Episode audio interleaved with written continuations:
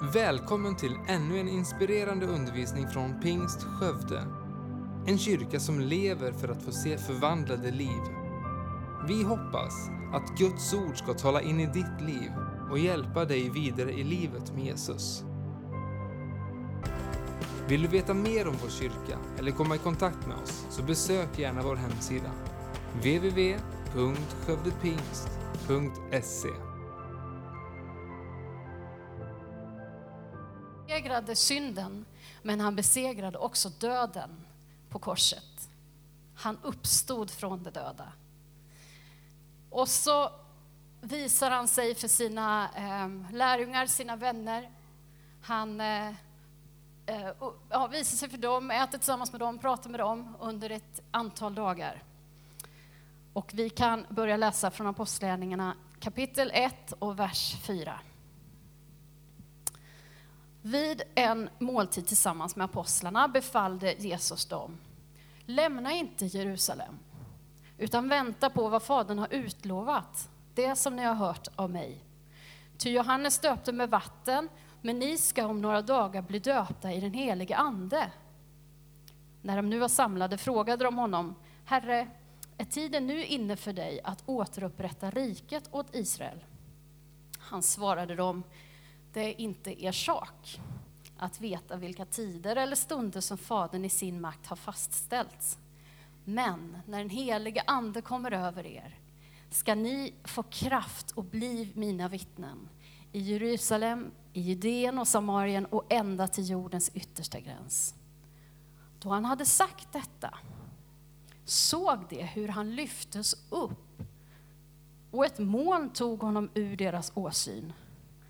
Medan de såg mot himlen dit han for upp, se, då stod två män i vita kläder hos dem, och de sa, ni män från Galileen, varför står ni här och ser upp mot himlen? Den Jesus som har blivit upptagen från er till himlen, han ska komma igen. På samma sätt som ni har sett honom fara upp till himlen. Det är så skönt slut på den här berättelsen. De bara, varför står ni här och kollar upp mot himlen? Änglarna hade sett mycket av Gud. De visste vad Gud var, var kapabel till.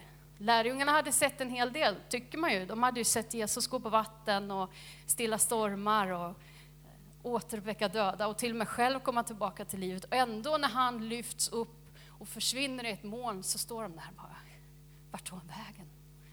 Vad hände nu? Man kan förstå dem. Men säger de här männen i vita kläder, att det ska komma en dag då han kommer tillbaka. Och när jag tänker på det här med Kristi himmelsfärdsdag så ser jag två stora löften, det kanske finns fler. Men jag ser två väldigt stora löften i den här texten. Och det första är det Jesus säger, vänta till ni får en helig ande.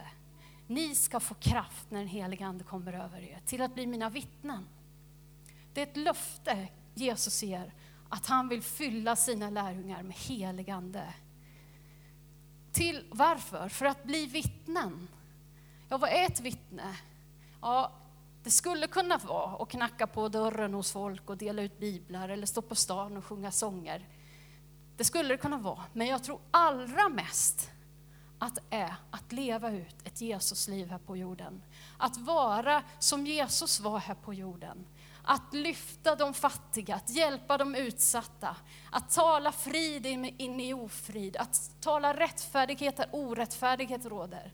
Att vara och leva ut Guds rikes värderingar här på jorden. Det tror jag, det är att vara ett Jesu vittne.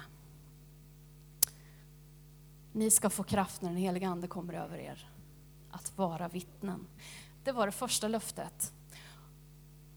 Vi, lärjungarna visste ju inte det riktigt då, men vi har ju fortsatt att läsa Bibeln. Vi, det här var ju då, så vi vet ju vad som hände. Att några dagar senare så uppfylls de av heligande. Löftet går i uppfyllelse. Och efter den dagen så har Gud fortsatt att fylla och döpa sitt folk i heligande. Löftet går ständigt i uppfyllelse. Det Gud har sagt, det håller han, det står han för och det kommer att hända så kommer ett annat löfte i slutet av den här texten. De här männen i vita kläder, de säger, ni har sett honom fara upp. På samma sätt ska han komma tillbaka. Jesus ska komma tillbaka en dag. Det är löftet som finns i Kristi himmelfärd. Han kommer tillbaka. När jag var liten så arbetade min mamma och pappa. Föräldrar gör det. De arbetar och då behöver man som barn vara någonstans. Så jag fick vara hos min mormor och morfar. Och det tyckte jag väldigt mycket om. Det fanns så mycket att göra där. Vi kunde vara ute i ladan och leka med kattungar och hoppa i höet eller smyga ner till sjön när, när de inte visste och titta på fiskar. Och sådär. Det fanns mycket. Och inne i, var vi inomhus och en hel del grejer. Jag brukar stå med morfar och sjunga vid orgeln. Det tyckte jag var jättehärligt. Och så tyckte jag också om att spela in eh, mig själv när jag sjöng. jag brukar ta mormors kassettbandspelare. Ni som inte vet vad en kassettbandspelare är, ni får googla det hem när ni kommer hemma. Eh, men jag brukade spela in då på mm, kassett när jag sitter och sjunger massa sånger. Och en sån här favoritsång som jag hade, det var det handlade om en liten flicka som åkte tåg. Och eh, ja, så kommer konduktören och så frågar han, var är biljetten? Vart ska du resa? Jo, jag ska resa till himmelen. Hur kan du tänka att dit få resa på detta tåget, min lilla vän? Jo, se min mamma, hon sjöng så ofta om Jesu järnväg till himmelen. Jo, se min mamma, hon sjöng så ofta om Jesu järnväg till himmelen. Och så fortsätter berättelsen om den här lilla flickan på tåget. Så hon berättar för alla i kupén om Jesus. Och folk blir drabbade av det hon säger, men så plötsligt så blir flickan sjuk på tåget och dör. Och det är väldigt dramatiskt och konduktören och alla blir jätteledsna över att hon dör, men också hon har ju berättat för dem hur viktigt det är att omvända sig till Jesus. Så det blir liksom en sån här äh, frälsningsmöte där på tåget. Och många tar emot Jesus. Eh. Och sen sista versen handlar om den lilla flickan man får se in i himlen där hon sitter och sjunger tillsammans med Jesus. Och, och det var en fantastisk sång, jag spelade in den. Och så eh, tycker jag också att det är väldigt vackert att höja, så här, eh, tonartshöjning. Så att ungefär varannan vers så höjde jag. Problemet var att det är 16 verser på den här sången. Så att i slutet på inspelningen sitter ett litet kvidande flickebarn och sjunger om himlen. Men min eh, mormor och morfar, det jag minns med dem är att de längtade till himlen. Eh, jag kunde sitta och eh, rita eller, eller ja, greja med något. Och mormor stod och vispade i såsen eller diskade. Och så mitt så kunde hon stanna upp i sin, det hon höll på med och bara på utandning säga Kom snart, Herre Jesus. Kom snart. Och så fortsatte hon, mitt i liksom det hon höll på med.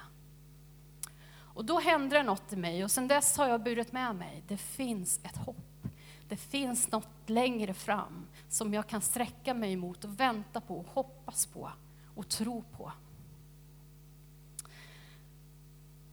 Vi går till första Korinthierbrevet, kapitel 15. Vers 51 och framåt. Se, jag säger er en hemlighet. Vi ska inte alla insomna, men vi ska alla förvandlas i ett nu på ett ögonblick, vid den sista basunens ljud.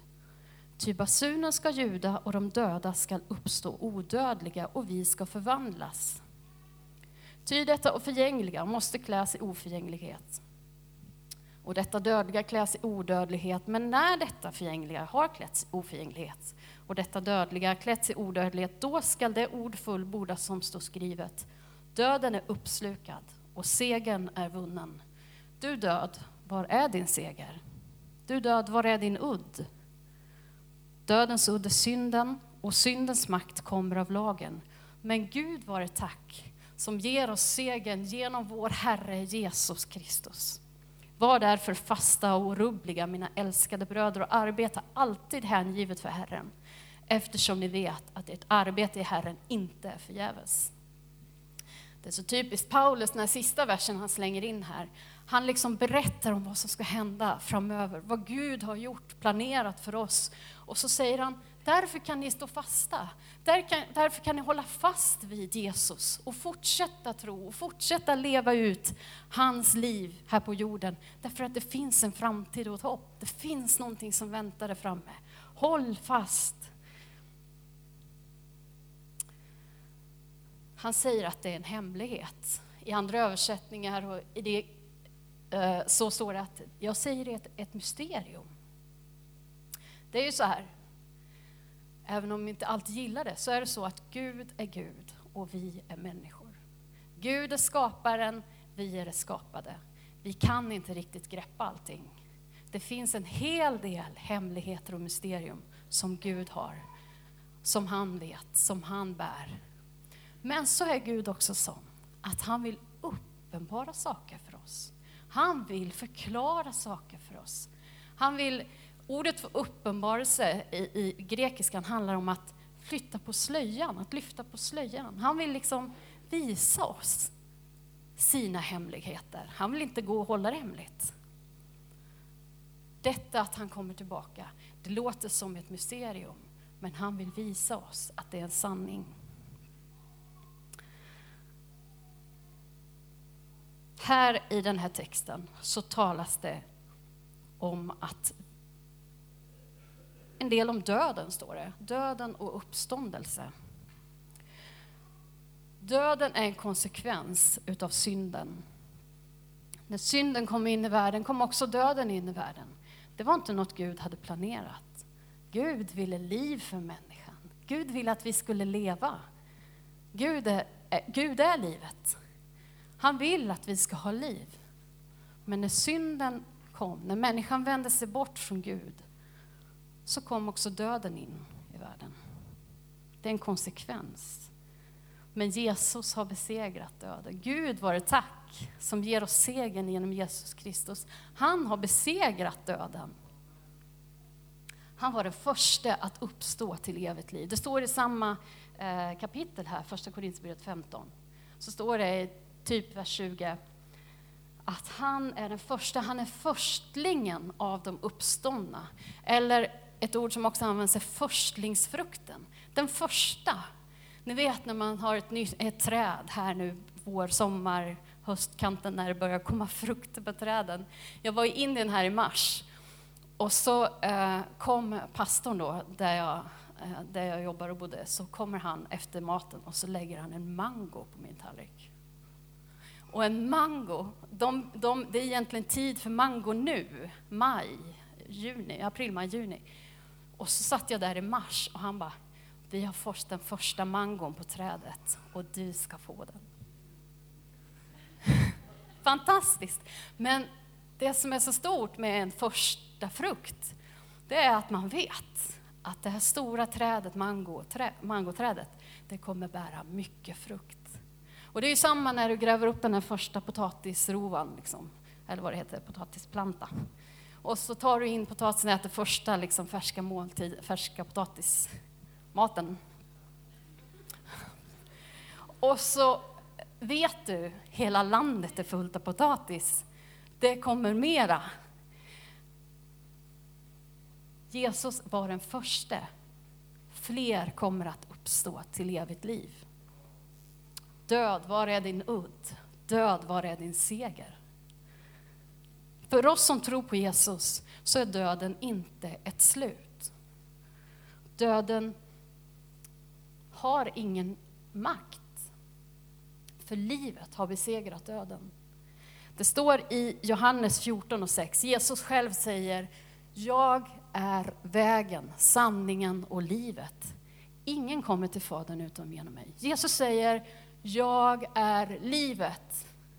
Livet har besegrat döden. Vill du ha en majmånad, hela 2015, hela livet full av liv? Vem ska vi söka oss till? Jag är vägen, sanningen och livet, säger Jesus. Ta emot Jesus i ditt liv och du kommer få uppleva livet. Paulus han sa också i Filipperbrevet, Filipperbrevet 1 och 21, så säger han så här. Ty för mig är livet Kristus och döden en vinning. För mig är livet Kristus. Och döden är liksom inget som han är rädd för. Därför att då går jag för att vara med Gud för evigt. Då går jag in i det eviga livet. Det är inget jag behöver frukta. Livet är en vinning. För några år sedan så eh, en vän till mig förlorade sin hustru. Cancern tog över kroppen och hon dog så småningom. Vi bad mycket för henne.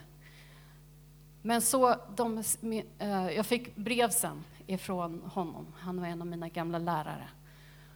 Och så beskriver han de sista dagarna som hon levde. Och så skriver han att en av de sista gångerna de satt och kunde tala tillsammans så läste de Bibeln, första Korinthierbrevet 15. Och så läste de, du död, var är din seger?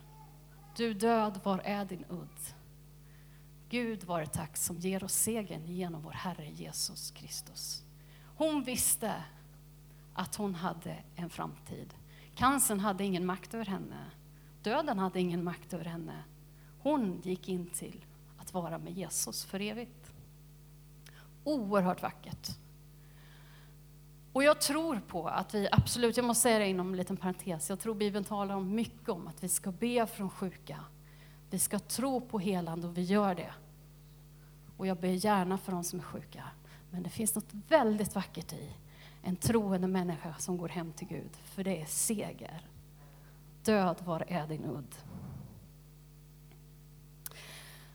I det här kapitlet, första Korinthierbrevet 15, så talas det mycket om uppståndelse och om förvandling.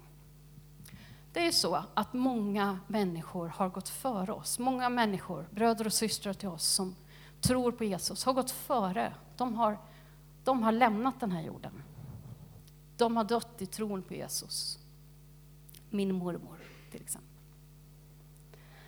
Och här står det i den här texten att de dödliga ska uppstå odödliga. När Jesus kommer tillbaka så ska de uppstå. Den dagen, min tro är den, Bibeln säger, att den dagen man ger upp andan så går man att vara med Jesus i paradiset. Ta rövaren på korset till exempel. Jesus säger till honom, redan idag, när du ger upp andan, så ska du vara tillsammans med mig i paradiset. Hur livet riktigt är, ter sig för dem som har gått före, det vet inte vi. Det är ett mysterium. Och det kan få vara det. Men vi vet att de är hos Gud. Men så ska det komma en dag, dagen, uppståndelsedagen, då Gud ska låta dem uppstå till förvandling. Och de som fortfarande lever, kanske lever vi fortfarande då. Jag tror nämligen Jesus kommer snart. Kanske lever vi då. De som fortfarande lever, de ska också förvandlas tillsammans med dessa. Och vi ska få kroppar som kommer fungera i denna nya tid, i denna nya evighet. Vi ska leva i en ny existens. Då funkar det inte med riktigt den här. Den här är rätt sliten, trots allt. Vi ska få nya förvandlade kroppar. Och vad är det? Ja, men vi kan ta Jesus som exempel. När han hade uppstått. Lärjungarna kände ju igen honom. Och de satt ner, de åt mat med honom, de kunde röra vid honom. Så att vi är ju på något sätt samma individer, vi kommer vara det. Men vi kommer vara förvandlade. Jesus, han, han var inte begränsad av tid och rum. Det är något nytt. Vi kommer uppstå i härlighet. Låter det skruvat? Ja, kanske. Jag vet inte. Det är, inte, det, det är ett mysterium. Det går inte helt och fullt att greppa. Jag tycker det är vackert och spännande. Det stora, det som jag vill att du ska minnas och bära med dig, det är att det finns ett hopp. Det finns en framtid. Jag tänkte på det i fredags när jag lyssnade på de här tjejernas vittnesbörd och om hur Gud har gett dem en framtid och ett hopp här och nu idag. Och det här är det som är så stort med Gud, att han är så generös. Han, han ger mer än vad vi kan tänka och begära. Han ger oss ett gott liv här och nu. Han ger oss hopp för vår morgondag här och nu. Men han ger oss också en framtid. Ett underbart hopp om ett evigt liv tillsammans med honom. Han har perspektiv. Han tänker på vårt liv idag, men också på vår framtid. Ja, men Linda, leva för evigt.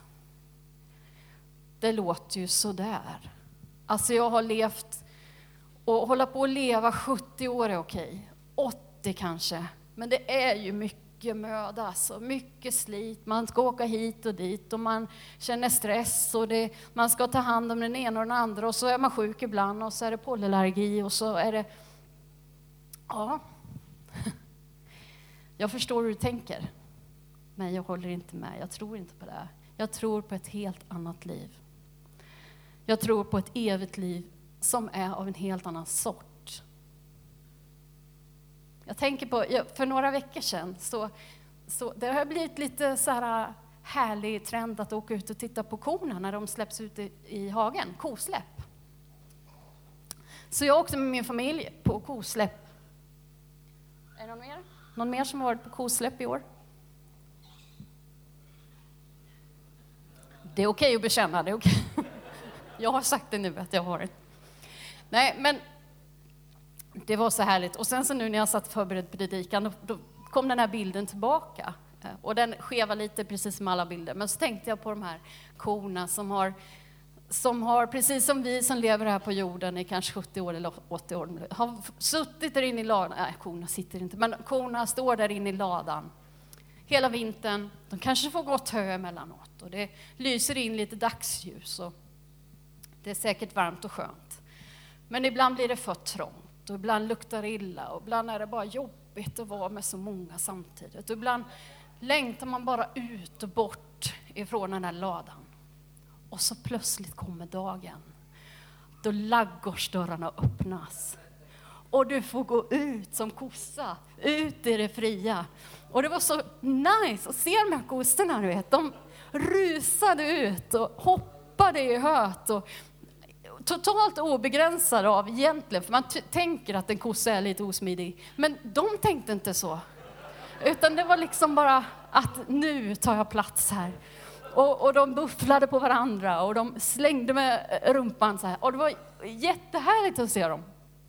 Och så känner man samtidigt att okej, okay, nu är det ett elstängsel här och du står där och du är rätt stor kossa. Kan, du har koll på kroppen nu. Man, man känner lite att man tar lite större distans än vanligt. Eh, och då tänkte jag så här, tänk när vi ska få släppas ut i det eviga livet tillsammans med Herren. Det blir på ett helt annat sätt. Det blir frisk luft, det blir nya äventyr, det blir, ja, det blir fantastiskt. Jag tror det blir bra. Vi ska läsa ett text som jag läste ofta för mormor. Mormor hon brukar säga, Linda kan inte du läsa lite i Bibeln för mig medan jag diskar? Och då tyckte jag det var så spännande att läsa Uppenbarelseboken. Jag förstod inte mycket, men jag läste för jag tyckte det var så mycket vackert. Och då läste jag i kapitel 21 från vers 3 och jag hörde en stark röst från tronen säga, se, nu står Guds tabernakel bland människorna och han ska bo hos dem. Det ska vara hans folk och Gud själv ska vara hos dem. Och han ska torka alla tårar från deras ögon. Döden ska inte finnas mer och ingen sorg och ingen gråt och ingen plåga. Ty det som, var för, det som förr var är borta. Han som satt på tronen sa, Se, jag gör allting nytt. Gud vare tack, han ger oss segern genom vår Herre Jesus Kristus. Jesus ska komma tillbaka. Det finns en framtid och ett hopp. Detta löfte kommer igen och igen i Bibeln. Och det finns ingenting i vår eh, mänskliga historia eller erfarenhet som riktigt kan förklara hur den dagen kommer att bli. Den, vi, vi, det, vi kan, det har aldrig hänt något sånt. Däremot skulle vi kunna tänka på hur det var när Jesus lämnade, för de sa då, de här vitklädda männen, att som han har lämnat ska han komma tillbaka. Och det var ett moln som tog honom ur lärjungarnas åsyn. Och när vi läser texter om Jesu återkomst så står det att han ska komma på ett moln i makt och härlighet. Det kommer att märkas när Jesus kommer. Och som, eh, med den här vetskapen som troende så har vi ett hopp, en glädje, något att se fram emot. Men vi har också ett ansvar. Dels att vara redo. Dels att vänta på hans ankomst. Att ha det bärande med sig. Det finns en berättelse som Jesus berättar om, om eh, jag ska inte ta hela den, men, men eh, om några som väntade på en brudgum. Och de skulle ha fina oljelampor brinnande när brudgummen kom. Men så tog oljan slut för några av dem och de hade ingen extra. Och så är slutpoängen är vad viktigt det är att ha oljan med sig. Så att det finns extra olja, så att det finns när brudgummen kommer. Annars missar man det. Och på samma sätt för oss, att vi håller oss redo. Att vi väntar på Jesu återkomst.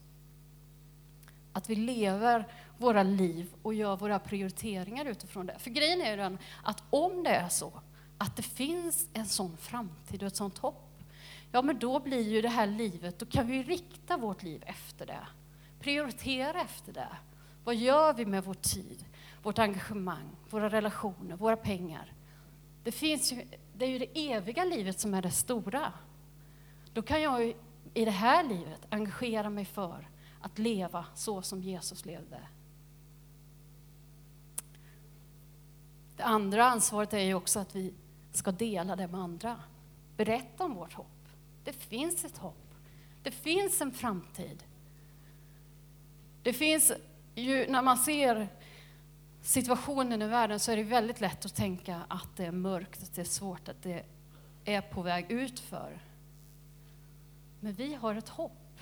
Vi har en framtid.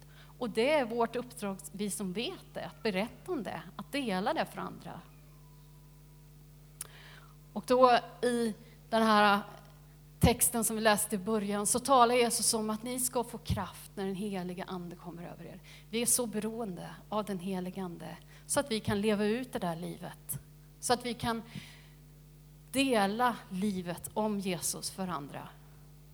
Så att vi kan vara ljus och salt i den här världen. Så att vi kan berätta om vårt hopp för andra. Jesus kommer tillbaka och han vill att så många som möjligt ska välkomna honom, välkomna honom den dagen han kommer. Det är hans längtan. Vi kan som troende, vi kan vila i vårt hopp och vi behöver inte frukta döden, för vi har livet. Vi har Jesus. Han är livet. Tack för att du lyssnat. Titta gärna in på vår hemsida www.skövdepingst.se för att få veta mer om oss. Och glöm inte att du alltid är välkommen till vår kyrka